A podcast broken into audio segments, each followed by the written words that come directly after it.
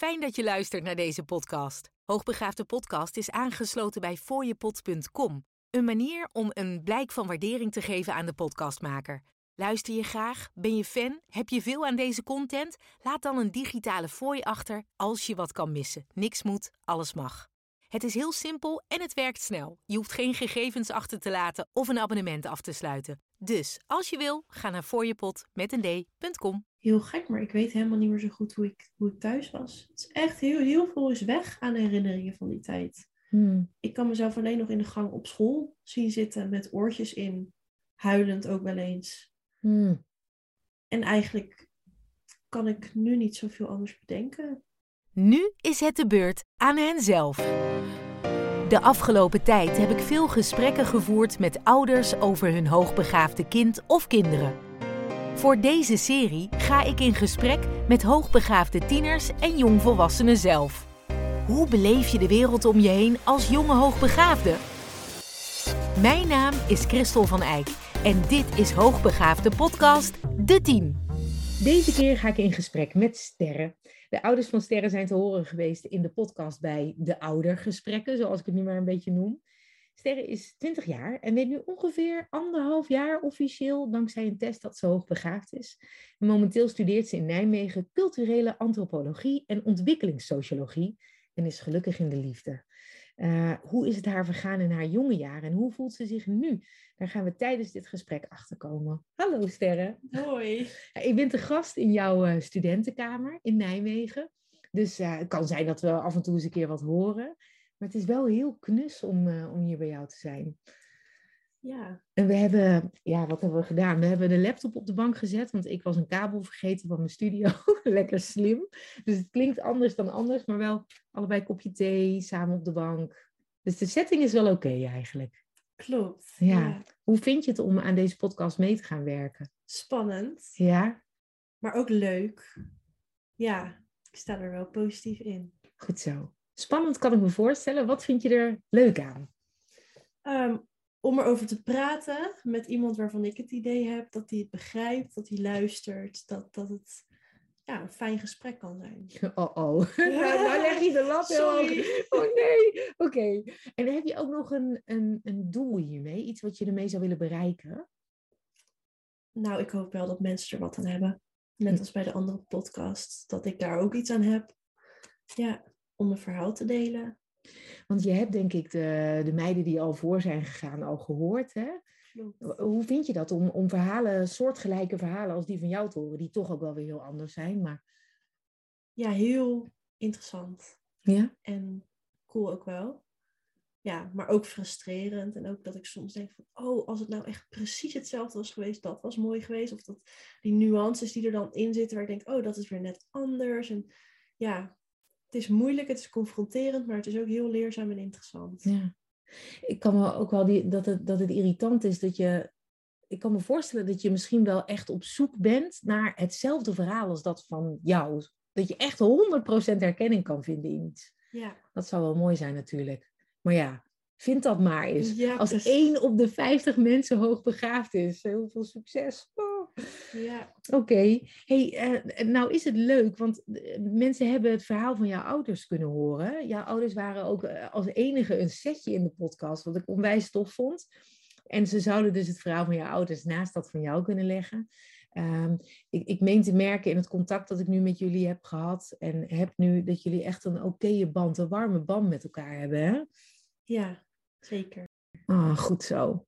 Nou, laten we beginnen bij je jonge jaren. Want um, jouw ouders hebben gezegd dat jij op de vrije school, waar jij geloof ik begonnen bent, hè, als heel jong meisje, en ik weet niet hoeveel je er nog van herinnert, um, al best wel aangepast was. Kan jij je daarin vinden? Weet je daar nog wat van? Ja, een paar situaties wel. Hm. Um, waar ik het toevallig ook nog met mijn ouders over heb gehad. Wat ook maakt dat ze het volgens mij hebben genoemd. Ja. Ook in gesprek met jou. En uh, dat was vooral dat hand opsteken. En proberen aan die beurt te komen en mee te praten en mee te doen in de les. En dat ik op een gegeven moment de beurt niet meer kreeg. En dat ik heel bewust met mijn armen netjes over elkaar zo rechtop als ik kon. Omdat dat waren allemaal dingen waarvan ik dacht dat dat uit zou maken. Dus dat ik maar zo rechtop als ik kon ging zitten. En dat ik dan de beurt misschien wel zou krijgen. Oh, echt? Maar ik kreeg hem niet meer. Oh joh. Ja, ik mocht niet meer meedoen aan de vrijwilligers voor het toneelstukje vooraan de klas. Of eh, ja, wat dan ook. En was dat bij één specifieke leraar? Of gebeurde dat eh, een, een, aantal jaar achter elkaar? Want je hebt er kort gezeten, geloof ik, hè? Ja, nee, eh, dat was dan wel al in groep vier. Hmm. Dan ga je eigenlijk uit die kleuterklas naar een gewone klaslokaal. Ja. Gewoon klaslokaal. Ja, want vrije school werkt net iets anders dan de reguliere, hè? Qua klassen Ja. en eh, ja. Ja, ik zou ook niet precies weten hoe regulier werkt. Ik heb nooit op een reguliere eh, basisschool gezeten. Nee. Maar we hebben gewoon altijd dezelfde leraar gehad voor de klas. En die gaf ook alle vakken, dat heette toen nog niet zo, maar die gaf alle lessen aan ons. Maar alle, alle jaren heb je dezelfde leerkracht gehad? Ehm, nee, maar vanaf ehm, dat je eigenlijk begint met die klas, ehm, klas 2 heette dat dan groep 4 tot en met groep 8. In principe wel, volgens mij. Ja, ik heb er dan nog maar twee in die jaren gezeten. ja, want daarna heb je een switch gemaakt, hè? Klopt. Alright. En wat gebeurt er dan als je nooit de beurt krijgt? Frustratie. Ja. Ehm, ik kan me dat niet heel goed herinneren, maar ik denk eigenlijk wel dat ik heb gedacht van, waar ligt het dan aan? Ligt het dan aan mij? Of vindt de leraar mij niet aardig? Of, zulke soort dingen. ja. Ja. En waren er ook andere dingen die er gebeurden in de klas waardoor je diezelfde twijfels had? Niet zozeer dat. Het enige wat ik me kan herinneren is dat ik schoolziek werd, zoals we dat dan noemden. Mhm. Dus dat ik me gewoon niet goed voelde dat ik naar huis wilde. Toen al. En dat ik een keer huilend achter het bureau van de leraar heb gezeten voor in de klas met al mijn klasgenootjes in de klas. Omdat hij even de klas uit moest om te gaan bellen en regelen of dat allemaal wel kon. Oh joh. Omdat hij ook dacht, ja, maar je bent niet echt ziek, je bent schoolziek, dus dan mag je niet naar huis.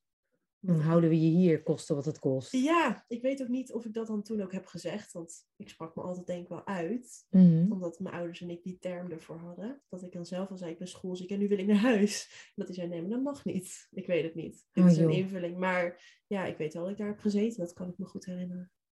En ja, ouders hebben toen volgens mij uiteindelijk de beslissing genomen om van school te gaan wisselen. Klopt. Dat doen natuurlijk ouders in basis altijd eh, op die leeftijd. Maar hebben ze jou daarin meegenomen? Of was het ehm, eigenlijk een gegeven dat het ging gebeuren? Daar hebben ze me zeker in meegenomen. Hoe is dat gegaan? Weet je dat nog? Een beetje. Ik weet dus dat een vriendinnetje van mij eh, naar die andere school was gegaan. We zijn daar een keer gaan kijken. Ehm, ik vond het leuk. En ik was volgens mij gewoon voor. Dus ja, zo.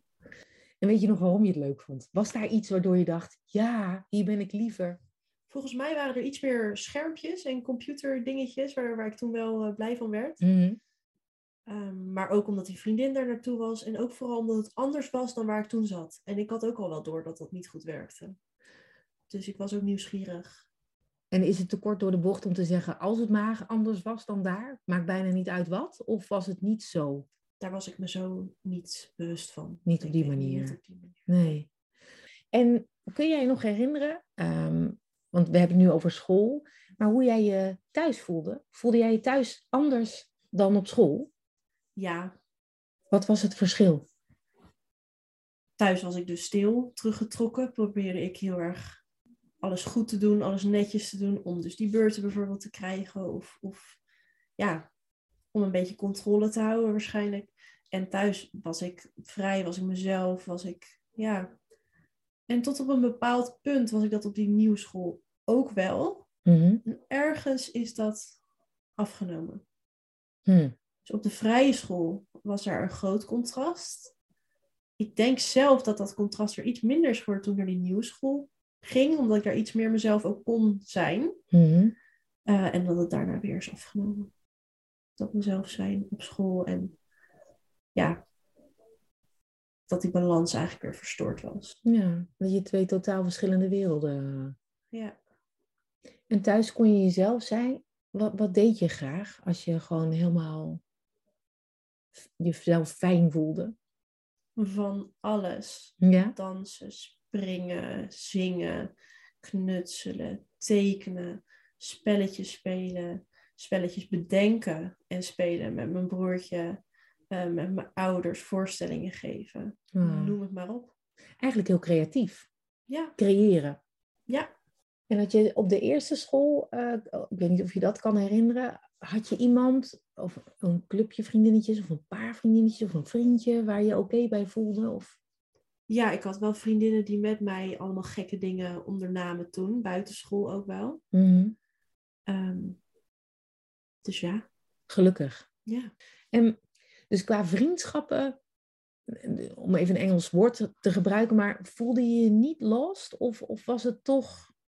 In eerste instantie zeker niet. En ehm, ergens is er wel een soort knik in de kabel gekomen ehm, toen ik op die nieuwe school zat. Ergens had ik de hele tijd het gevoel ergens bij te willen horen waar ik niet bij hoorde. Nog even los van mijn eigen vriendenkring.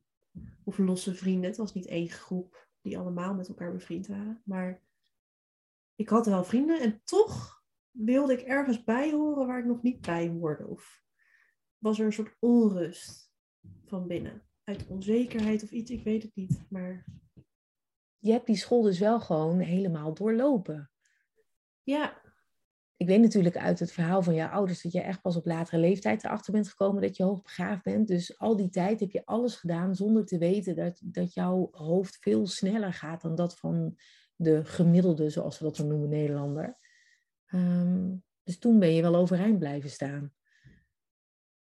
Als je jouw, basisschooltijd zou omschrijven, hè? als je daar een, een zin of een paar woorden aan zou geven, hoe zou je het dan... vind ik een hele moeilijke vraag. Leuk, speels. Mm. Maar het was niet alleen maar positief. Ook veel struggle.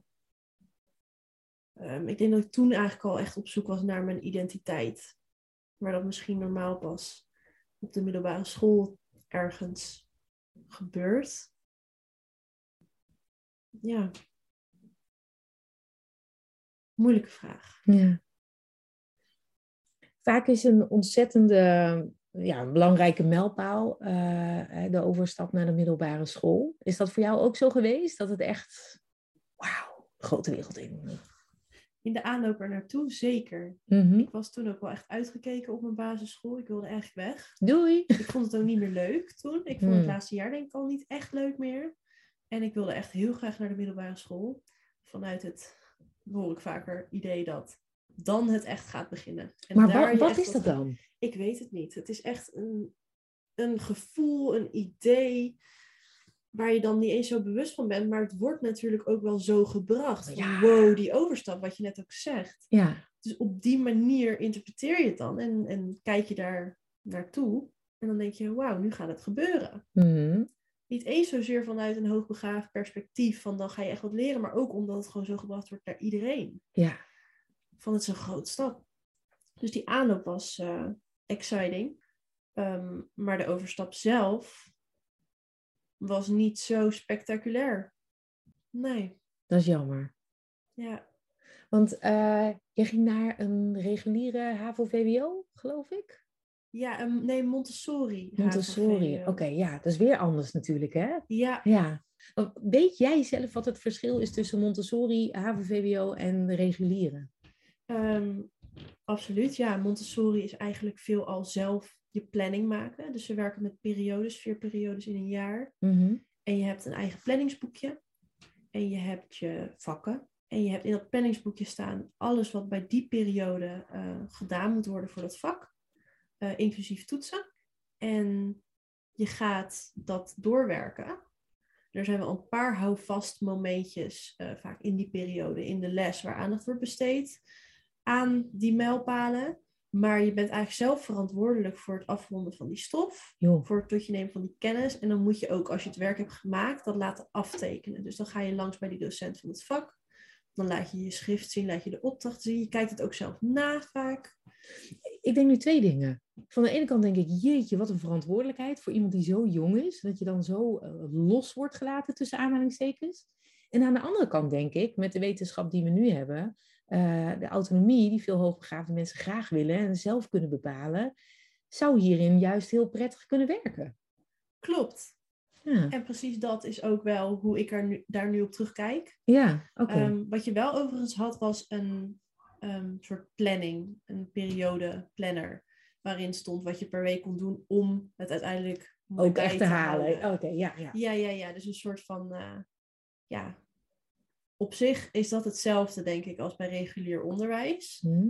Alleen zou in het regulier onderwijs, denk ik, die planning verplicht zijn. En zou daar iedere les op die manier Ja, aan gewerkt worden. je hoeft er niet over na te denken. Ze zeggen, we gaan nu deze paragraaf doen en de volgende les beginnen we daar. Dus dit moet je nu maken. En dan, eh, het is, ja, het is met z'n allen erachteraan, zeg maar. Ja, en als Ja. je huiswerk niet af hebt, dan gebeurt er wat of niet. Ja. En als je het wel af hebt, dan loop je bij. Ja, En bij het Montessori is het dus in principe zo dat je ook al je werk in die laatste paar weken zou kunnen doen. ja. Als dat voor je zou werken. Precies. Ja. Ja. En hoe, hoe lang ehm, heb jij op die school gezeten? Want uiteindelijk heb je ook op de middelbare een switch gemaakt, hè? Klopt, ja, ik ben eh, in de herfstvakantie van de derde klas. Dus ik heb eigenlijk twee en een kwart jaar gezeten. Ja. Ehm, na die herfstvakantie ben ik geswitcht. Oké. Ja. Wat gebeurde er in die twee en een kwart jaar? Er is, ik denk ik, veel gebeurd, want anders switch je niet op die leeftijd ook, hè? Klopt, dus dat is ook een beetje blurry in alle dingetjes die bij elkaar kwamen. Mhm. Maar ik voelde me voornamelijk sociaal niet op mijn plek. En dat is een beetje hetzelfde als op de basisschool, want ik had wel vrienden. Ja. En ik had ook wel een paar vriendinnen vooral, waar ik het echt eh, gezellig mee had. Maar dat nam op een gegeven moment wat af, denk ik. Ook door een bepaald gevoel van afstand en onvrede, denk ik, bij mezelf. Dat ik me gewoon niet voelde horen bij het groepje vrienden die ik had. Hm. Er was ergens, zat er iets niet lekker. En dat ging eigenlijk steeds meer aan me vreten. En ik werd onzeker. Ik voelde me gewoon niet goed meer, ook op andere gebieden. Ik kon me toen ook niet meer concentreren. Ik had het gevoel dat mensen naar me keken in de gangen. Was waarschijnlijk helemaal niet zo. Maar ik voelde me zo naar eigenlijk. Ja, dat is zo erg geworden dat het niet meer ging. Schoolziek. Ja, maar meer vanuit de sociale Mhm. onrust. Ja. Een soort niet, geen veiligheid in Hmm. mijn sociale kringen daar. Dat zijn twee basisbehoeftes natuurlijk. Ja, Ehm, daar waar je op de basisschool dan inderdaad toch nog best oké uit de voeten kon hè, met je sociale contacten, ging dat dus daar echt schuren. ja. Eh, en op die leeftijd is natuurlijk sociaal contact super belangrijk eigenlijk. Hè? Vaak eh, eh, is dat een van de belangrijkste dingen. Als je maar ergens bij hoort voelen of zo. ja. En ehm, ik zie je nadenken. Wat gebeurde er dan? Als je dan, zei je afspraken af? Of zeiden jouw vrienden juist afspraken af? Of ging je gewoon niet meer? Of, Niet per se. Het speelde zich toch vooral af op school. Ik heb ook niet een hele goede herinnering aan hoe dat contact precies verliep met mijn vrienden. Mhm. Ik heb namelijk niet het idee dat daar echt iets drastisch in is gebeurd. Ik weet ook niet of dat al is verwaterd toen ik daar nog zat of daarna pas. Mhm. Het is heel gek. Het is ook echt een beetje vaag. Ja, Een beetje brain fog rondom die tijd. ja, Ja, misschien is dat ook wel wat je brein doet. dat Geen leuke ik. periode, dat het dan, ja. Ja, dat denk ik. Ik meen me te herinneren dat je ouders hebben gezegd dat jij in het begin heel blij was op die school. En dat je heel veel deed, dat je echt lekker toneel aan het spelen was ook. Klopt dat? Ja, Ja, in het eerste jaar, ja. wat leuk. Was niet op die school trouwens, dat was eh buitenschool. Gewoon toneelles buiten school. Precies, ja. En daar-. Ging jij daarvan aan? Ja, Wat was dat dan? ja, het was leuk. Het was uitdagend. Het waren allemaal verschillende mensen bij elkaar. En ik denk dat ik daar ook wel werd gezien voor wat ik daar deed. Dus ik, ik bestond, als het ware. Zo voelde ik me. Mhm. En ik deed iets wat ik leuk vond en wat ik spannend vond, maar waar ik wel goed in was. Ja, ik deed ook dansen. Ja. Oh, Daarnaast nog, dansles. ja. Met een, weer een hele andere groep mensen. En dan een hele choreografie in elkaar zetten voor een show. Ook hartstikke leuk. En dan voetbal nog. Joh, Team. Ja, ja. wat wel grappig was overigens, is dat twee vriendinnen die ik wel had gemaakt op die school, ehm, degene waren waarmee ik die activiteiten ging doen. Dus met één van die twee ging ik naar die musicales. En met Ja. één van die twee ging ik naar die dansles. Oh joh. En dat was wel heel leuk. Dus het is ook echt niet, het is heel gek en dat moet ook niet verkeerd overkomen. In dat sociale, dat lag echt niet aan die relaties die ik had opgebouwd met die individuen, zeg maar. Mhm. Het was echt een soort overal globaal gevoel van onrust en discomfort die ik had in die situatie. Ik denk dat je het zo heel mooi omschreven hebt. Ja. En ik hoop ook dat, mocht zo iemand luisteren, weet je wel, dat, er, ehm, ehm, nou, dat er geprobeerd wordt om je te verplaatsen in andermans schoenen. Ja. Ehm, en is het zo dat, want uiteindelijk ben je dus gestopt ook met het dansen en met, met toneel, hè? Heb je dat, is dat in die periode ook geweest toen je van school ging switchen?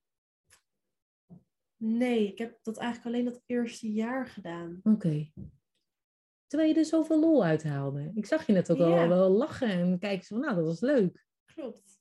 Ja, ik weet niet meer precies hoe dat is gegaan. Misschien toch vanuit het idee dat het drukker zou worden en meer schoolwerk zou worden in het tweede jaar. En dat het toch wel heel veel was. Ja, je deed wel drie dingen natuurlijk. Ja, en veel op en neer reizen. Dat het toch goed was om gewoon eh, te stoppen. Voetbal Ja. heb ik wel. eh, Nog lang doorgedaan. Ja. Oké. ja. Hey, en je zat dus helemaal, eigenlijk zouden we kunnen zeggen, heel kort door de bocht, niet lekker in je vel toen je, toen je besloot te gaan switchen. Mhm. Hoe uitte zich dat thuis? Ja, moe, denk ik vooral. Maar niks waar ik zo meteen op kan komen. Wat deed je? Werd je heel, juist heel passief? Of werd je bijvoorbeeld boos? Of, of, of ging je weg van huis? Of was je juist heel veel thuis? Heel gek, maar ik weet helemaal niet meer zo goed hoe ik, hoe ik thuis was. Het is echt heel, heel veel is weg aan herinneringen van die tijd. Hmm. Ik kan mezelf alleen nog in de gang op school zien zitten met oortjes in, huilend ook wel eens. Hmm. En eigenlijk kan ik nu niet zoveel anders bedenken. Allemaal vaag. Vaag, ja. Ja, ik zie ook aan je dat je echt aan het nadenken bent van hoe was het, maar Ja, komt niet. nee.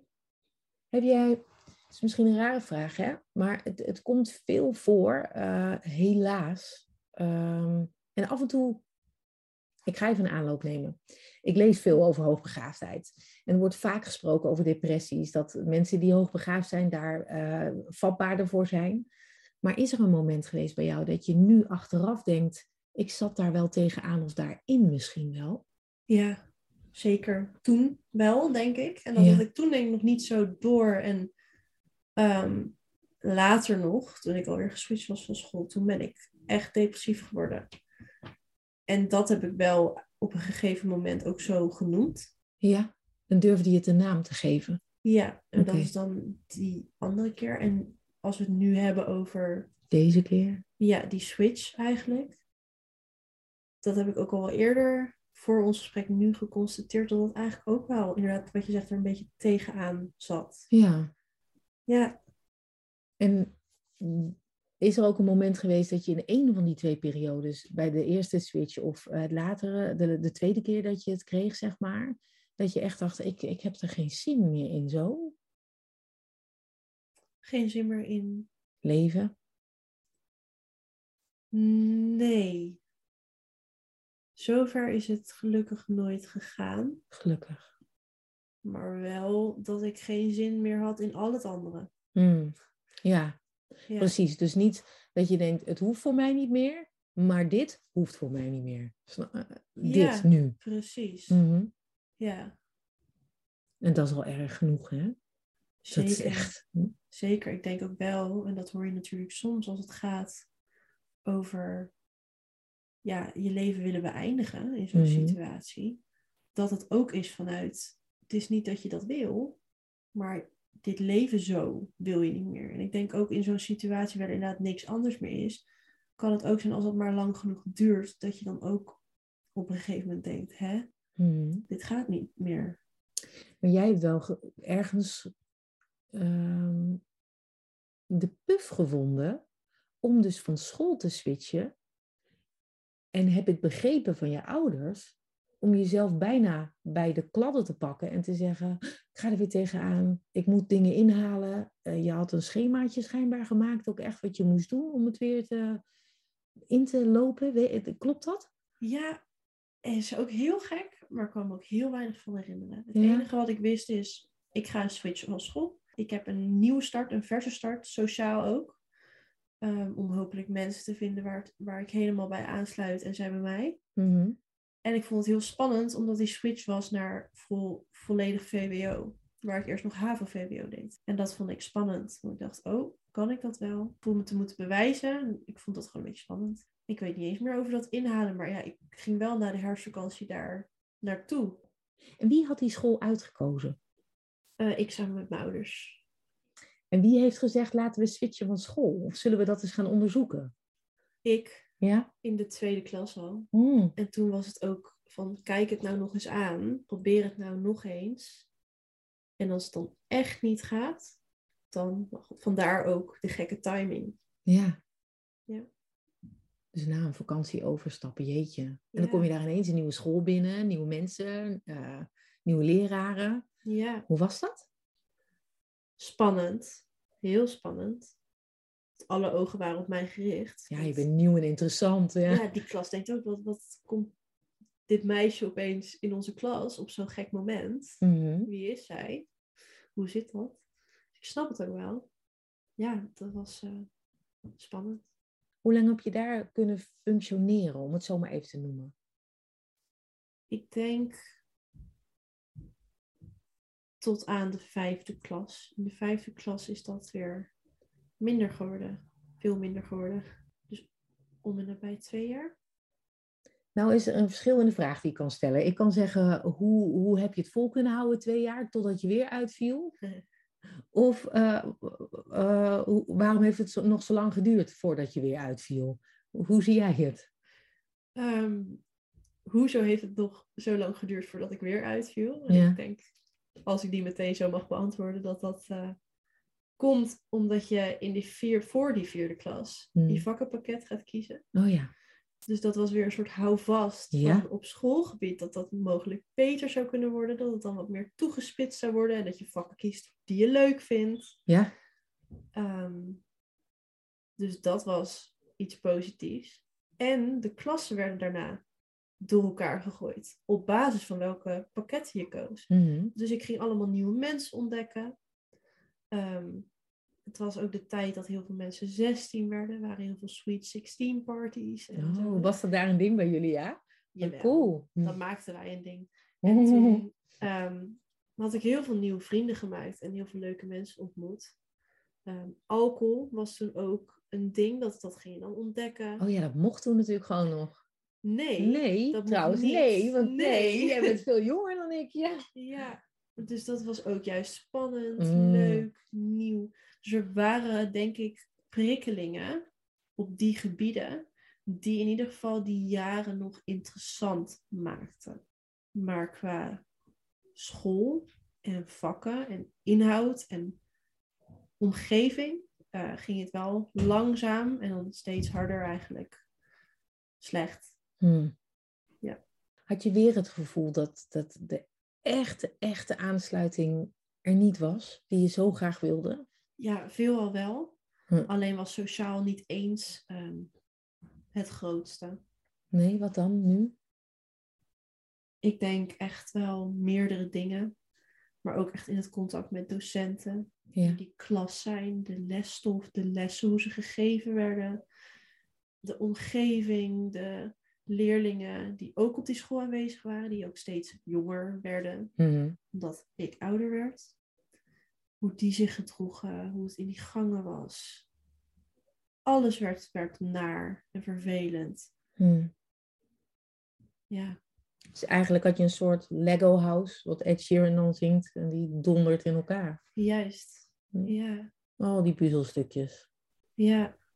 Wat was het moment dat jij thuis kwam te zitten? Ik bedoel, is, is er, eh, ik noem maar wat, à la in de film, een moment geweest dat jij je rugtas hebt gepakt midden in een les en naar huis ging? Of, eh, Grappig genoeg heb ik dat wel één keer gedaan. oh, Omdat ik ehm, het niet oké vond dat ik niet naar de wc mocht van een docent. ach, houd toch op. Ja, ja dat, dat waren ook dingen die, die op die stapel van alles wat zo naar was aan school eh, Maar erbij hoe kwam. kwaad kun je dan worden, hè? Enorm kwaad. Ik had er eentje die mij mijn neus niet liet snuiten, omdat ik mijn neus te hard snoot. Nou, echt. Kan De, de, de, nee, maar de boosheid dan. Ja. Dus ik denk dat ik ergens begrijp in die specifieke situatie hoe je je gevoeld moet hebben. Ja?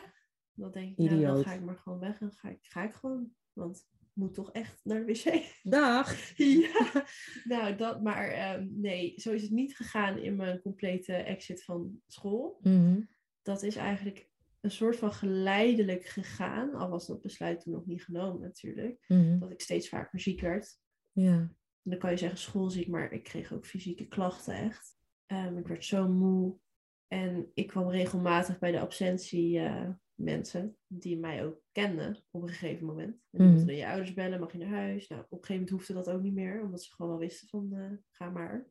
En op een gegeven moment denk ik dat ik al meer thuis zat dan op school. En uiteindelijk heeft iemand anders mij eigenlijk moeten aanraden van weet je, misschien is het goed als je maar even helemaal thuis blijft. En wie is iemand anders? Eh, een docent was dat op dat moment. Niet eens mijn mentor. Oké. Ehm, en dat luchtte enorm op, want eigenlijk wilde ik dat wel. Maar ik dacht niet dat dat een mogelijkheid was. Hmm. Dus ik ging maar weer in de ochtend naar school. En eigenlijk na een uurtje zat ik alweer in de bus of op de fiets naar huis. Daar was je weer. Ja. Op die leeftijd ben je natuurlijk niet bezig met wat het voor je ouders doet. Heb jij nu met je ouders daar wel eens over gesproken, hoe zij die periode ervaren hebben? Ja en nee. Hm. Want ook in de podcast die jij met ze opnam, heb ik wel gehoord, nog wat beter zelfs, dat ik denk, oh ja, inderdaad, zo, zo was dat dan voor hun. Maar we hebben het er wel eens over gehad, maar ook daarbij is weer een heel groot stuk van mijn herinnering blurry. Dus dat is lastig. Ik kan me ook voorstellen dat je eh, op die leeftijd ben je daar, als je je zo slecht voelt, natuurlijk ook niet mee bezig met de omgeving. Jawel, ook wel. Ja?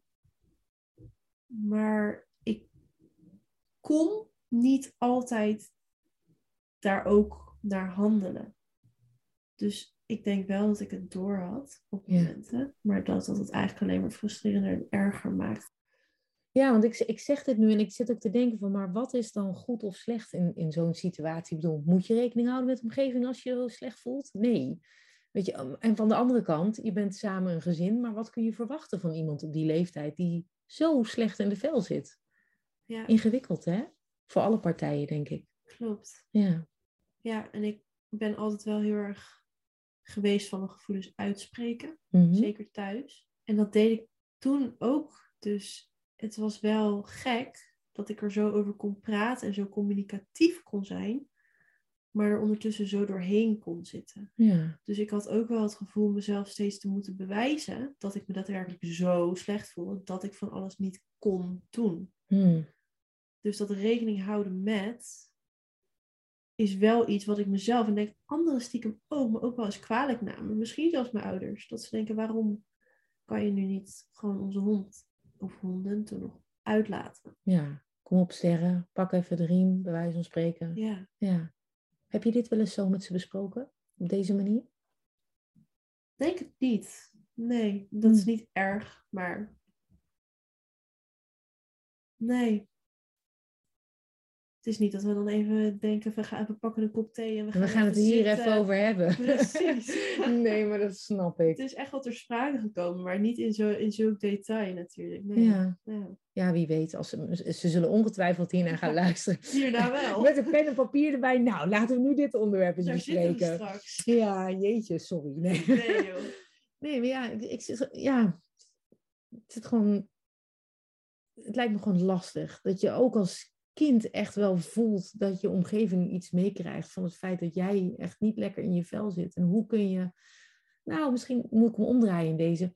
Wat kan een ouder voor een kind doen in zo'n situatie? Er zullen heel veel ouders nu luisteren die misschien een kind thuis hebben zitten, die net zo down the drain is als dat jij was. Die willen helpen. Die willen niet dat hun kind een schuldgevoel heeft of denkt ik moet het goed doen voor mijn ouders. Die willen alleen maar helpen en zorgen dat hun kind er bovenop komt.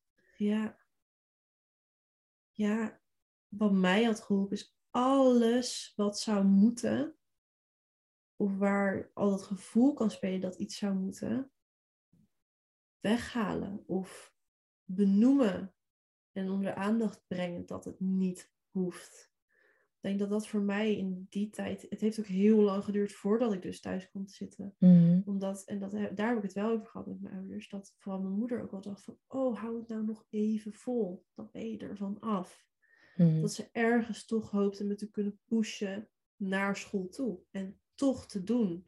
En toch dingen op te pakken. Ja. Omdat zij toen dacht dat dat mij zou helpen. Ja. Met alle goeds en alles, alle liefde voor mij en alles juist willen doen voor mij. Mhm. Maar ik denk ook daardoor een verkeerde inschatting te maken. Ja. Over wat het echt was wat ik nodig had. Of vooral ook wat ik niet nodig had. Ja. Want dat is ook een heel thema geweest wat vaak terugkwam. Is dat ik ook nooit wist wat ik dan wilde of wat ik nodig had. Mhm. Ik wist alleen wel heel goed wat ik niet wilde en wat ik niet nodig had. Maar dat moest wel, bepaalde dingen. Ja, maar ook dat niet, eh, wat je niet nodig hebt en niet wilde, dat weten. Maar wat dan wel? Ja, daar lag de focus op. Terwijl in dat wat je niet wil, daar zit ook wel heel veel in. Ja. Wat je eruit kan halen. Wat richting geeft aan wat je dan wel wil. Veel in verscholen. Ja, Mhm. ik denk dat dat eigenlijk een, een groot ding was. Maar kun je je voorstellen, als er dan nu zo'n moeder of vader luistert die denkt, oké, ik kan het moeten weghalen, maar uiteindelijk, eh, als ik zeg je hoeft niks, blijf maar de hele dag op de bank, bij wijze van spreken, hier heb je kopje thee en je boterhammetje. Maar uiteindelijk moet er natuurlijk een moment, moet, hoe heb je het woord weer, maar een moment komen dat je kind weer langzaamaan iets, weet je, wel, een klein mini, mini, mini stapje vooruit. Wat, kun- Ja. wat, wat denk jij? Hmm, Voor mij was dat ehm, in gesprek met een therapeut, waar ik Ja. toen net liep, en die eigenlijk erkende hoe slecht het met mij ging. Dus echt, ja, eigenlijk dat bevestigde wat ik nodig had om te horen, om, het serieus, om serieus genomen te worden in hoe ik me voelde. Dat is een heel groot ding ook. En die daarna vrij stellig zei, je hoeft van mij niet veel, maar ik ga je nu één ding zeggen en dat moet je echt van me aannemen. Want je zegt, je bent hier, je wil je beter gaan voelen. Dan is er één ding wat je inderdaad moet doen. En dat is iedere dag om dezelfde tijd opstaan, onder de douche gaan. En that's it. Dat moet je doen. Ze zei ook niet, begin daar eens mee. Niks, niks van die, Nee. nee. Alleen dat doen. En dat ben ik gaan doen. Onder andere omdat ze dat met zoveel confidence zei Ja, maar ook op een manier die aansloot bij mij op dat moment. Omdat ze me ook in mijn waarde liet en heel erg serieus nam hoe ik erbij zat. ja. En daardoor kon ik haar ook in vertrouwen nemen en ook haar advies ter harte nemen. Want je bent dus eigenlijk niet serieus genomen op je scholen waar je gezeten hebt. Is dat eigenlijk het gevoel? Op scholen, maar ook ehm, door, ik sla wat stappen over wat ik net zeg, door Hm. eh, een therapeut, psycholoog die ik daarvoor heb gehad. Oh, oké. Althans, zo voelde het dus voor mij. Ja. Ja. Die heb ik ook vaker gehoord. Eh, neem Aniek, de eerste van de tien, die vertelde dat als ze dus eh, een psycholoog sprak, eh, dat ze die echt bij wijze van spreken om de tuin kon leiden. Dat ze Ja. precies wist wat ze wilde horen om vervolgens weer naar buiten te kunnen lopen. Ja, Herken jij dat? Niet op die manier. Maar wel dat ehm, het dus nooit precies aangesloten was op wat ik nodig had. Mhm. En dat ik zelfs alles op alles zette om dat te faciliteren. ja. En dat dat gewoon niet lukte. Ja, dus dat, ja, Wat deed je dan, dat faciliteren? Ik heb wel een idee in mijn hoofd, maar... heel veel uitleggen, heel veel praten, heel open zijn. Hmm. het zelfs teruggeven op momenten. Aangeven dat bepaalde methoden en aanpakken die ze hanteerde om psycholoog te zijn en bepaalde therapievormen die ze deed. Door te zeggen van, joh, al die ehm schemaatjes en dingetjes die je nu gebruikt om mij te helpen, voelt niet alsof dat werkt. Kan je niet die schemaatjes opzij leggen en meer gewoon los van het alles van met mij zijn. Meer mij zien. Voorbij alle schemaatjes waarin je mij kan categoriseren en vervolgens proberen te helpen. Hmm. Maar ja, nee, het lukt Dat niet. eh, Het ging bij die eerste niet. Nee, helaas. En die andere vrouw, die zag jou dus wel. Ja, En daarmee ben je in gesprek geraakt toen je voor de tweede keer uitviel. ja. Ja, dat was de, die psycholoog ook hoor. Maar Ja. daar- daarna, toen dat niet werkte. Oké, toen dat niet werkte, toen kwam je bij deze terecht. Juist. Hoe heb je deze gevonden? En heeft die raakvlakken met hoogbegaafdheid? Niet dat ik weet eh, met hoogbegaafdheid. Ik heb eh, haar gevonden via mijn moeder. Oké. Ja. En dat ging goed met haar. Ja, Ben je lang bij haar geweest? een tijdje. Ja, eerst Hmm. wekelijks en toen één keer in de twee weken. En met haar eigenlijk aan de zijlijn kon je steeds een stapje vooruit zetten. Ja, maar eigenlijk helemaal niet met een bepaalde vorm van therapie of iets. Het is ook vaag in mijn herinnering. Het enige wat ik weet is dat ik met haar praatte. Ja. En dat ze naar me luisterde. En dat we in gesprek waren. En ik weet niet eens precies waar het hem nou in zat dat het op een gegeven moment beter ging. Hmm. Pas na een langere tijd kon ik terugkijken en denken: wow, het gaat wel degelijk beter met me. Dat was goed. Maar waar zat het dan nou in? is Moeilijke vraag. Maar al die tijd was je wel thuis van school? Ja. ja, ik ben ook nooit meer teruggegaan naar die school. Maar en toen? Want je was natuurlijk nog eh, ehm, leerplichtig. Precies, ja, we hadden dus een regeling en ook een contact eh, die op die school werkte, maar ook op andere scholen voor ook mensen in de topsport, mensen met speciale regelingen. Oké. Eh, en die was eigenlijk een soort mediator met leerplicht in dit soort situaties. Dus dat was wel een soort van geregeld volgens mij. Hmm, Oké.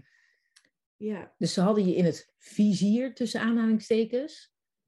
Want je was een thuiszitter. Dus dat, dat Ja. wordt natuurlijk ergens geregistreerd. Maar er was een soort van manier om je eh, aan de gang te houden. Zodat je niet.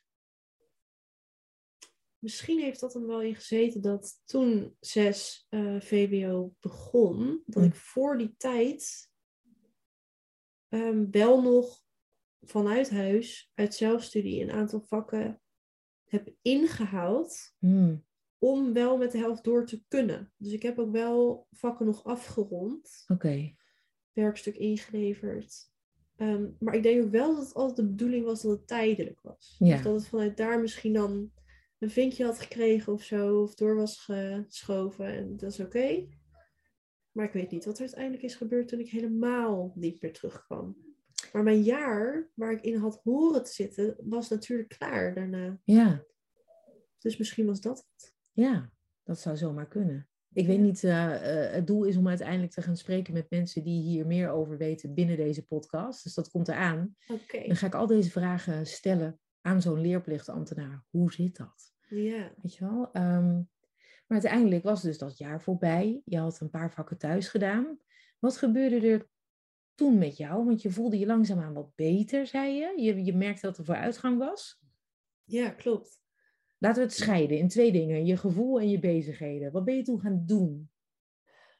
Nou, wel goed om te vernoemen dat, of te benoemen dat er wel echt wat tijd overheen is gegaan natuurlijk. Mhm. Ehm, ik ben wat gaan sporten. Oké. Ehm, Ik ben altijd wel blijven sporten. Maar ik ben dat ook wel weer gaan oppakken. eh, omdat ik het leuk vond. Het weer wat leuker ook gaan vinden. Hielp het je? Denk je dat je daardoor beter bent gaan voelen, sporten? Ja. Ik moet zeggen dat het ook wel een downside had toen ik me dus heel slecht voelde. Mhm. Want toen ging ik het ook in verband brengen met eten en met lichaamsbeeld en Mhm. ontevredenheid daarover. Dus dat is ook niet altijd zo fijn geweest Mhm. in mijn hoofd, mijn relatie ermee. Maar het is wel weer fijn geworden. Oké. Ja, in dezelfde tijd dat ik met die vrouw sprak die mij zag. Ehm, Gezien worden. ja, en dan nog niet eens in hoogbegaafdheid, maar wel in wat ik op dat moment nodig had. En, en het serieus nemen van mijn depressiviteit eigenlijk. Ja. Ehm, maar ja, op een gegeven moment keek ik daar inderdaad op terug en toen voelde ik me een stuk beter, was ik vrolijker en ik dacht nog wel eens in goede en slechte dagen. En toen dacht ik, wow, ik heb wel, ik heb wel meer goede dagen dan ik toen had. Yes. Ja. Een beetje zo en, en een beetje sporten. Ja. Mhm. En ik, ik keek super veel series en van alles en nog wat. En denk dat ik iets meer buiten kwam, iets meer mijn kamer uit, iets meer het huis uit. Dat dat de bezigheden waren. Ja. Ja. En toen moest je, wilde je nog een diploma gaan halen of iets? Of wat had je in je hoofd bedacht uiteindelijk? ja, het plan was toen om eh, de FAVO te gaan doen, dus volwassen onderwijs. Ehm, omdat daar ook de mensen die niet slagen of die nog wat losse eindjes hebben, die komen daar terecht en die gaan daar hun vakken afronden. Dus ik dacht, Ja. weet je, dat gaan we doen. Maar omdat ik eh, van 5 VWO nog wat vakken had, dus het was niet zo makkelijk als één jaar Nee. eh, alleen 6 VWO opnieuw doen op de FAVO en dan ben je klaar. Nee, ik dacht dan ga ik HAVO doen. Want dan kan je het wel in één jaar. Want dan hoef je alleen zo'n 15 jaar op HAVO-niveau. Dan kan ik wel in één jaar klaar zijn. Ja. Dus daar ben ik toen mee begonnen. Maar je zegt het alsof je het niet, niet afgemaakt hebt of dat er iets gebeurd is? Of... Dat klopt. Oké. Ja, nee, dat ging eigenlijk heel erg slecht. Hmm. Het was verschrikkelijk. Ik dacht, daar is er een betere relatie tussen docent en leerling. Maar het was eigenlijk nog autoritairder en naarder Hè? dan... Terwijl het volwassen onderwijs, Ja, dat zou je inderdaad niet verwachten. Dat, dat, nee. Er waren ook niet veel volwassenen in die zin. Oké. Ehm, het was echt verschrikkelijk. Ik dacht ook van, dit is erg. Want dit is ongeveer de enige optie die ik ken. Maar jeetje, dan kom je dus voor de derde keer, raap je jezelf op. Ga je iets doen waarvan je denkt, "Hm, hiermee kan ik het misschien redden. Wie weet kom ik wat mensen tegen waar ik een klik mee heb en dan, dan gebeurt dat. Ja, Eh, ja, ja, daar heb ik ook echt geen vrienden gemaakt of zo. nee. eh, kwam ik echt om die vakken af te ronden, maar al heel gauw werd dat ook alweer gesplitst. Dat ik er dan maar de helft deed en volgend jaar de andere helft. Dus het Mm. werd en langer Ja, en minder, omdat ik het gewoon niet trok om daar te zijn, ja, fysiek. de omgeving. Ja. En toen mocht ik dat wel vanuit thuisstudie wat meer gaan doen al. Ja, maar het was zo lastig, want er was dus geen andere optie. Dat ik ook niet ging stoppen. Want wat dan? Mhm. Nee. Want jij, jij, je moest van jezelf een diploma halen? Of eh, hebben je ouders dat gezegd? Of wat was de, de drive? Om, of wilde je, had je een studie in je hoofd? Ik wilde wel gewoon heel graag leren en studeren ook. En Kennis. Ja, ik vond dat wel gewoon heel fijn. En ik wilde dat heel graag. En ik wilde er naartoe werken, maar je had een papiertje nodig. En ik heb ook, toen ik nog in de vierde zat, heb ik toen vroeg al open dagen bezocht en van alles bekeken. Dus ik had ook wel al een idee wat ik wel leuk vond en wat ik niet leuk vond. Maar ja, eerst had ik dacht, ik moet een papiertje. Dan Ja. pas wordt dat de realiteit. Desnoods via het hbo naar de universiteit, Ja. na die FAVO. Maar heb je het gehaald uiteindelijk? Dat, dat vijf HAVO papiertje? Want dat was waar je mee bezig was, toch? Klopt, nee, heb ik niet gehaald. Niet? Nee, nee ik was op een dag eh, met mijn moeder ehm, erop uit. En die kwam toen met een voorstel, met een idee, met iets wat ze had gevonden. Mhm. En dat was de Open Universiteit. Dat weet ik dat jouw vader inderdaad zei. Nou, dat is echt... eh, die was daar heel lovend over. Ja, klopt. Wat was het verschil? Met de FAVO. Mhm. Nou ja, enorm. Het is een universiteit. Ja. Het is ook er, het is erkende universiteit. Het is gewoon op dat niveau.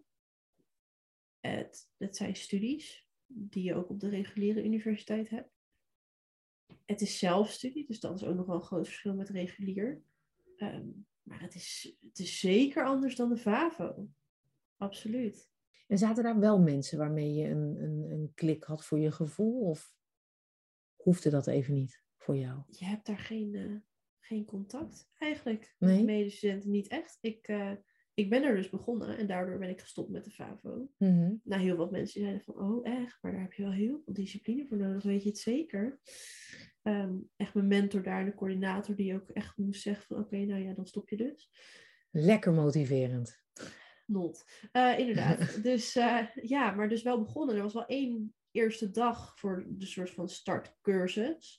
En daar heb ik wel wat medestudenten leren kennen. Echt van alle leeftijden, eh, uit alle sectoren, van alles liep er rond.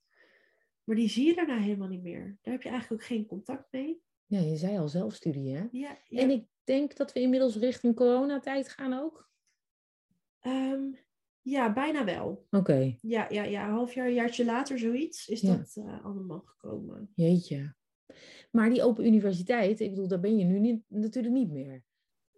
Nee, sinds, sinds, nou ja, wat zal het zijn? Twee maandjes niet meer. Oké. Ja. En dan ben je dus die studie gaan doen met die prachtige naam. Ik pak het papier er weer even bij. Culturele antropologie en ontwikkelingssociologie. Ja, Maar dus, wat heb je, je hebt de Open Universiteit, heb je daar iets afgerond, waardoor je nu dus deze studie kunt gaan doen? Want je hoort al, ik heb er de ballen verstand van, van studies, want ik heb dat zelf nooit gedaan. Dus ik- voor mij is dat een beetje, een, voor mij is dat blurry, dat ik niet weet hoe dat precies allemaal werkt. Ja, nee, normaal moet je natuurlijk gewoon je diploma hebben. Wil je naar de reguliere universiteit gaan. Ja, Eh, of een HBO poppenduizen. Met Mhm. eventueel twee of drie vakken op VWO-niveau afgerond nog daarnaast. Dus een soort certificaat, een toets gemaakt. Meestal voor wiskunde of Engels. Ehm, maar ja, ik had een van die twee wegen natuurlijk niet. Ehm, ik was toen ook nog bezig toen ik me aanmeldde met de Open Universiteit. Mhm. Mijn moeder kwam opeens mee. Misschien kan je dit jaar al gewoon inschrijven. En dan gewoon binnen een hele korte tijd heel veel doen. Want dat was vlak nadat we erachter kwamen dat ik hoogbegaafd was. ja, want daar moeten we zo natuurlijk even over hebben. Op Ja. zich is dat, ja. Ta- ta. Dus toen ehm, zei ze dat. En ik zei, nou, ik kan het wel proberen. ja Dus dat was al een doorbraak. Want meestal was ik gewoon van, nee, als het Ja. onzeker is, gaan we niet doen. Nee. Dus ik zei, nou, ik ga het wel proberen. Eh, toen was er door corona een soort van zachte knip regeling bij de universiteit. Waardoor je nog niet alles gehaald hoefde te hebben Oh. bij de start van het Ja. studiejaar. Maar dat je daar iets overlap mocht hebben. Dus toen eh, ben ik voorwaardelijk toegelaten Mhm. op basis van een proppenduizen psychologie Ja, van de Open Universiteit. Kijk. Die ik dus nog moest halen. alright. Dan snap ik hoe dat een beetje gegaan is. Je hebt Ja. een hele bijzondere route afgelegd. Absoluut. Maar je bent er. Ik ben er. Ben je tevreden met de studie die je gekozen hebt? Goeie vraag. Oh jee. zeg ja. Nee. Oh ja, kon ik dat maar? Ja en nee. Hmm. Ehm, ja, door die overlap heb ik in het eerste halve jaar van de studie nog niet volledig meegedaan. Ehm, maar al vrij snel dacht ik wel bij colleges van wow, dit gaat langzaam. Oh. En dat ik dan dacht, ja, hmm, zou dit dan liggen aan? Omdat ik ook helemaal nog aan het verkennen was met Ja, hoogbegaafdheid ja, ja. enzovoort enzovoort. Ehm, toen ben ik eigenlijk al heel gauw colleges gaan skippen. En denken van, nou ja, ik lees gewoon wel heel goed het boek. Want dat gaat mij hartstikke goed af bij psychologie. Ja. En daarmee hou ik mijn tentamens. Dus als ze toch vertellen in de colleges wat ook In het in boek staat. Ja. dan doe ik dat gewoon. Oh. Dus ik probeerde het eigenlijk al meteen op mijn eigen manier. Ja. Maar ik had daarnaast ook nog vakken te volgen of te doen, af te ronden voor psychologie. Dus het was ook niet dat ik met mijn volle aandacht op deze studie kon. Nee. Ik moest ook nog wat dingen afronden, want als ik dat niet voor kerst had gedaan, Oh. zou ik weer moeten stoppen. Jeetje, sterren. Maar echt, oh, wat ik zou er eh, helemaal gewoon. Oké, maar nu heb je je tussen aanhalingstekens wat studie betreft, je schaapjes op het droge en je zit waar je moet zijn qua, eh, hoe noem je dat? Agenda-wise, waar je met je studie zou moeten zijn. Ja. En nu is het dus voor jou om te bepalen, word ik hier gelukkig van of niet? Precies, ja, ik mag er nu gewoon blijven. Mm, En nu is het alleen nog het binnen het studieadvies wat dan op de loer ligt. En voor de rest is het inderdaad aan mezelf. Oké. En je zei dus net, eh, toen we erachter kwamen dat ik hoogbegaafd eh, ben. Wanneer is dat gebeurd? In welk eh, stukje? Waar was je toen, waar we het net over hadden? Ja, dat was dus ehm, een paar maanden voor de start van dit studiejaar. Dus dat was vorig studiejaar. Ja, Ehm, en toen was ik dus nog bij de Open Universiteit ja. bezig. Met het idee dat ik dan een jaar later pas zou kunnen beginnen Met reguliere. Ja, ja, ja. En wat gebeurde er? Want ik meen dat er een vrouw is geweest die tegen jouw moeder iets had gezegd over dat hij altijd al had gedacht dat jij en je broer hoogbegaafd, broertje moet ik zeggen, hè? Eh, hoogbegaafd waren, toch? Zoiets Ja. was het, hè? Klopt, ja, ja, ja. Ja, die heeft dat inderdaad tegen mijn moeder gezegd. Is het daardoor gaan lopen, hè? rollen allemaal. Ja, we hebben het al wel eens vermoeden. Mhm. Ik ook, mijn moeder ook. Door te herkennen in lijstjes en zo. Maar daar is nooit iets uitgekomen. Toen ik dus depressief was, onderzoek gedaan, maar daar is het nooit uitgekomen. Ja, maar vind je het gek als iemand depressief is? Ik bedoel, als je het hebt over wanneer je op je toppen van je kunnen zit qua prestaties of deep down, Ja, dan gaat het er dan inderdaad niet uitkomen. nee. Maar dan hoef je zelfs bij wijze van spreken niet nu al een lange tijd met hoogbegaafdheid bezig te zijn volgens mij, om dat te kunnen bedenken. Ja, Toch? ja klopt. Ja. Ja, en toch deed dat ook geen belletje rinkelen bij die onderzoekers of, of bij wie dan ook. Hm. Ehm, maar op aanraden van die vrouw hebben we toen wel eh, uiteindelijk die test gedaan. Dus eerst echt wel overleg van willen we dat? Het kost natuurlijk geld. ja. Welk doel dient het? En toen hebben we besloten het te doen. Maar ben jij ook bij die, die vrouw die jouw moeder eh, trof toen, ben jij met haar gaan praten? Ja, Oké. En wat voor een vrouw is dat? Is dat een coach of een HB-deskundige? Of... een HB-coach. Oké. Ja, Jeetje, alsof het zo moest zijn, hè? klopt. Hoe Ja. was dat om met haar in gesprek te gaan? Fijn. Ja, heel fijn. Had je het idee dat zij jou nog meer zag voor wie je bent dan die vrouw die jou geholpen heeft met de depressie toen de tijd? Ja, ja, zeker. Omdat ze weet wat het is. Ja. En ze ging mij dingen vertellen waarvan ik dacht, wow, je haalt me de woorden uit mijn mond en de gedachten uit mijn hoofd. Maar hoe kwam je dan thuis als je even bij haar was geweest? Hoe... Ja, puzzeld, want Ja. je hoort iets wat je zelf koppelt aan slimheid, omdat je natuurlijk zelf ook nog die vooroordelen eigenlijk hebt en weinig kennis en je herkent alle, allerlei dingen. Ja. En je denkt, ja, maar is het wel zo? Want ik herken het nu, maar er zit zo'n intelligentiecomponent aan, Ja. Dat ik dat zo spannend vond om dus te ownen. Ja. Ja, En, en, en zij heeft toen gezegd van, je zou misschien een test kunnen gaan doen. Daar heb je het thuis over gehad. En toen zei je, we gaan het doen. ja. Waarom wilde je dat uiteindelijk? om het dus te kunnen ownen. Ja, want er zou zoveel op de plek vallen als het zo zou zijn, dat wist ik al wel. Mhm. Dan wilde ik het ook zeker weten. Ja. Nou, eh, eh, eh, kun je je voorstellen dat er ook mensen zijn die zeggen, ja, maar ik herken me in het zijnsluik helemaal. En dat IQ-stukje, laat dat dan maar. Ik noem mezelf ook al hoogbegaafd, ook al weet ik het IQ niet van mezelf. Er zijn veel mensen die dat nu zo doen. Ja, tof. Ik, ik zou willen dat ik het kon. Hmm.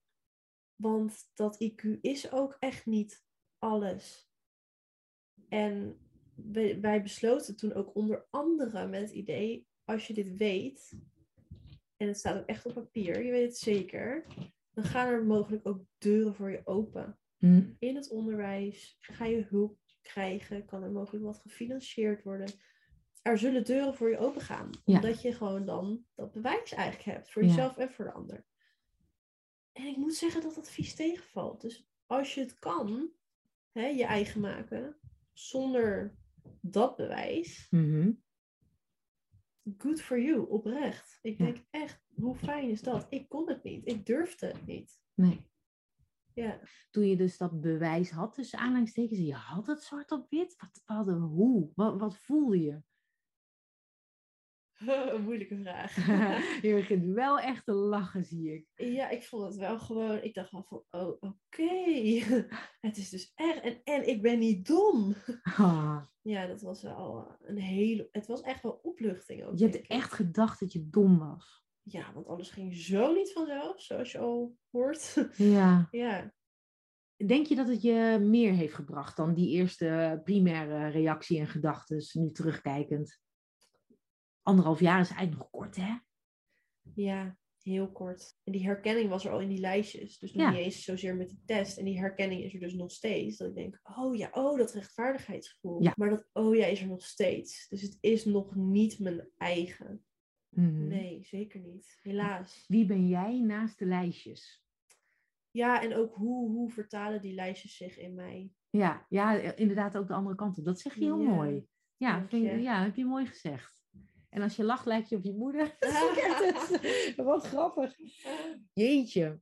En hoe was het om die test te doen zelf? Als je zegt, ik wil het doen om het te kunnen ownen, dan lijkt het me heel ingewikkeld toch om zo'n test te doen, om- omdat het dan toch weer iets is wat je misschien moet halen, tussen aanhalingstekens. Ja, Ik vond dat heel eng. Ik dacht echt, oh, ik moet het nu wel goed doen. Ja, dat helpt natuurlijk helemaal Want niet. ik wilde het zijn. Want het zou zoveel duidelijk maken. En, en het zou zo voor mezelf bewijzen. Want ik, iedereen wil slim zijn.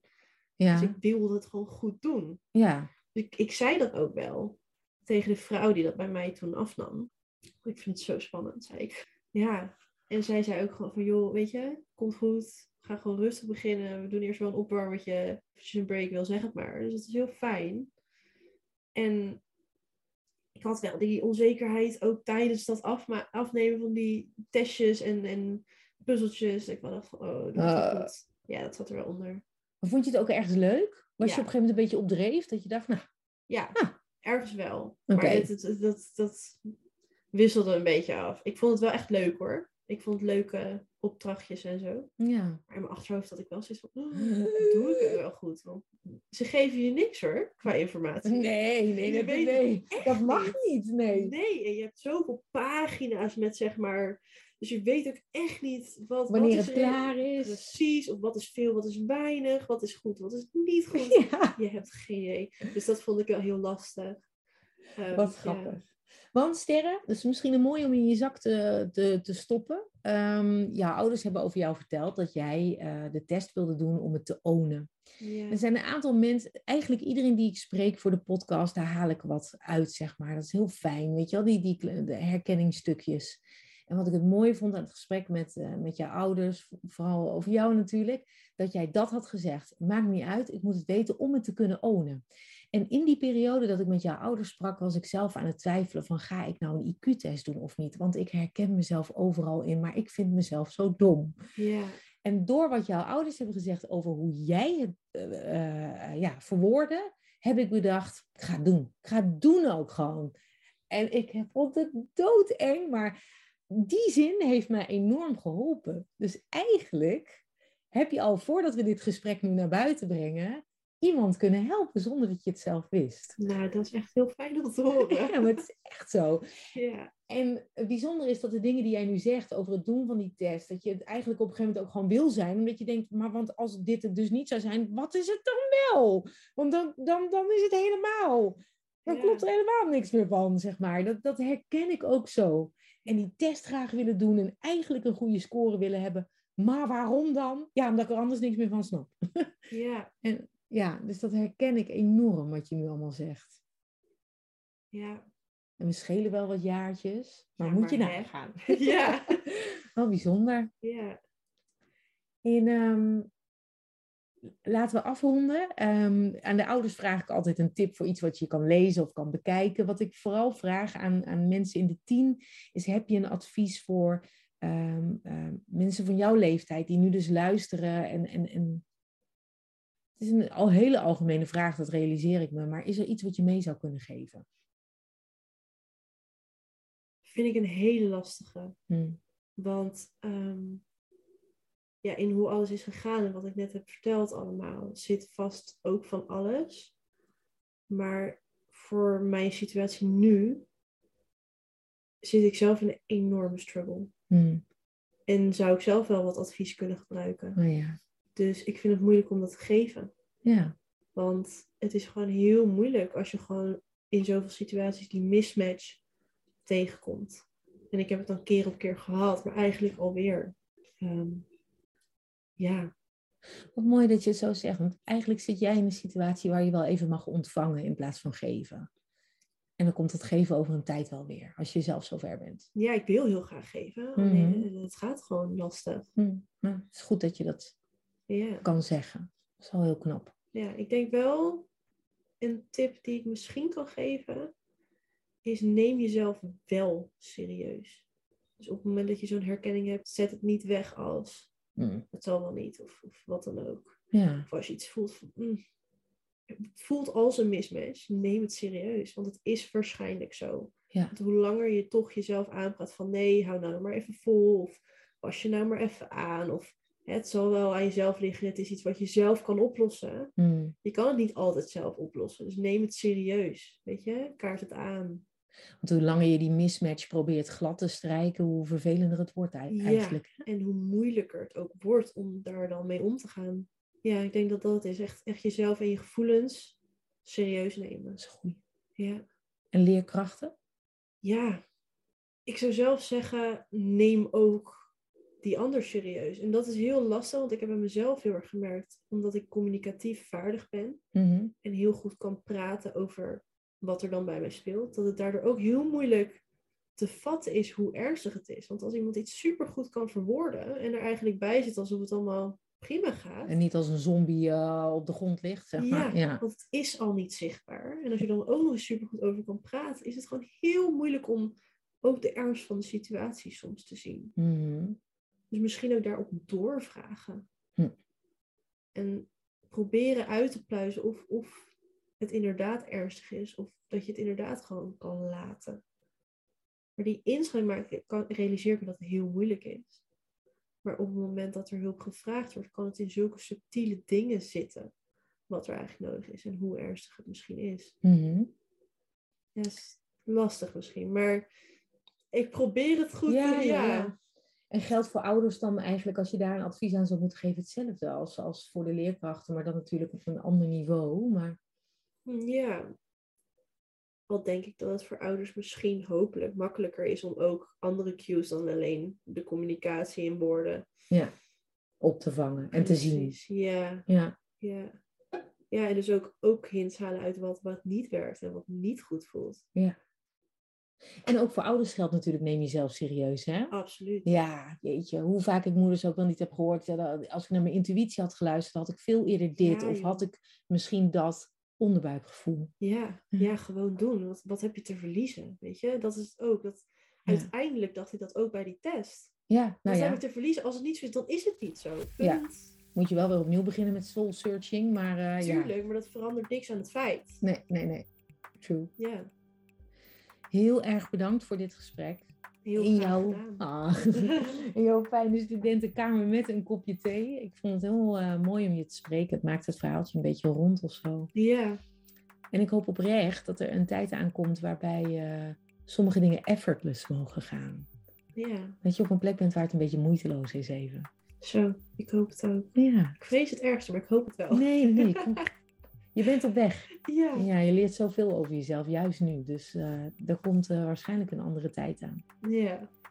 Dankjewel. Hm. Wil je meewerken aan deze podcast? Heb je vragen, ideeën of opmerkingen? Stuur dan vooral een mail naar info@hoogbegaafdepodcast.nl. Je kan je ook abonneren op deze podcast of neem een kijkje op de site hoogbegaafdepodcast.nl. Graag tot de volgende. Luister jij graag naar deze podcast en wil je de maker ondersteunen? Geef dan een digitale fooi. Dat kan via fooiepot met een d.com. Namens de maker van deze podcast, dank je wel. fooiepot met een d.com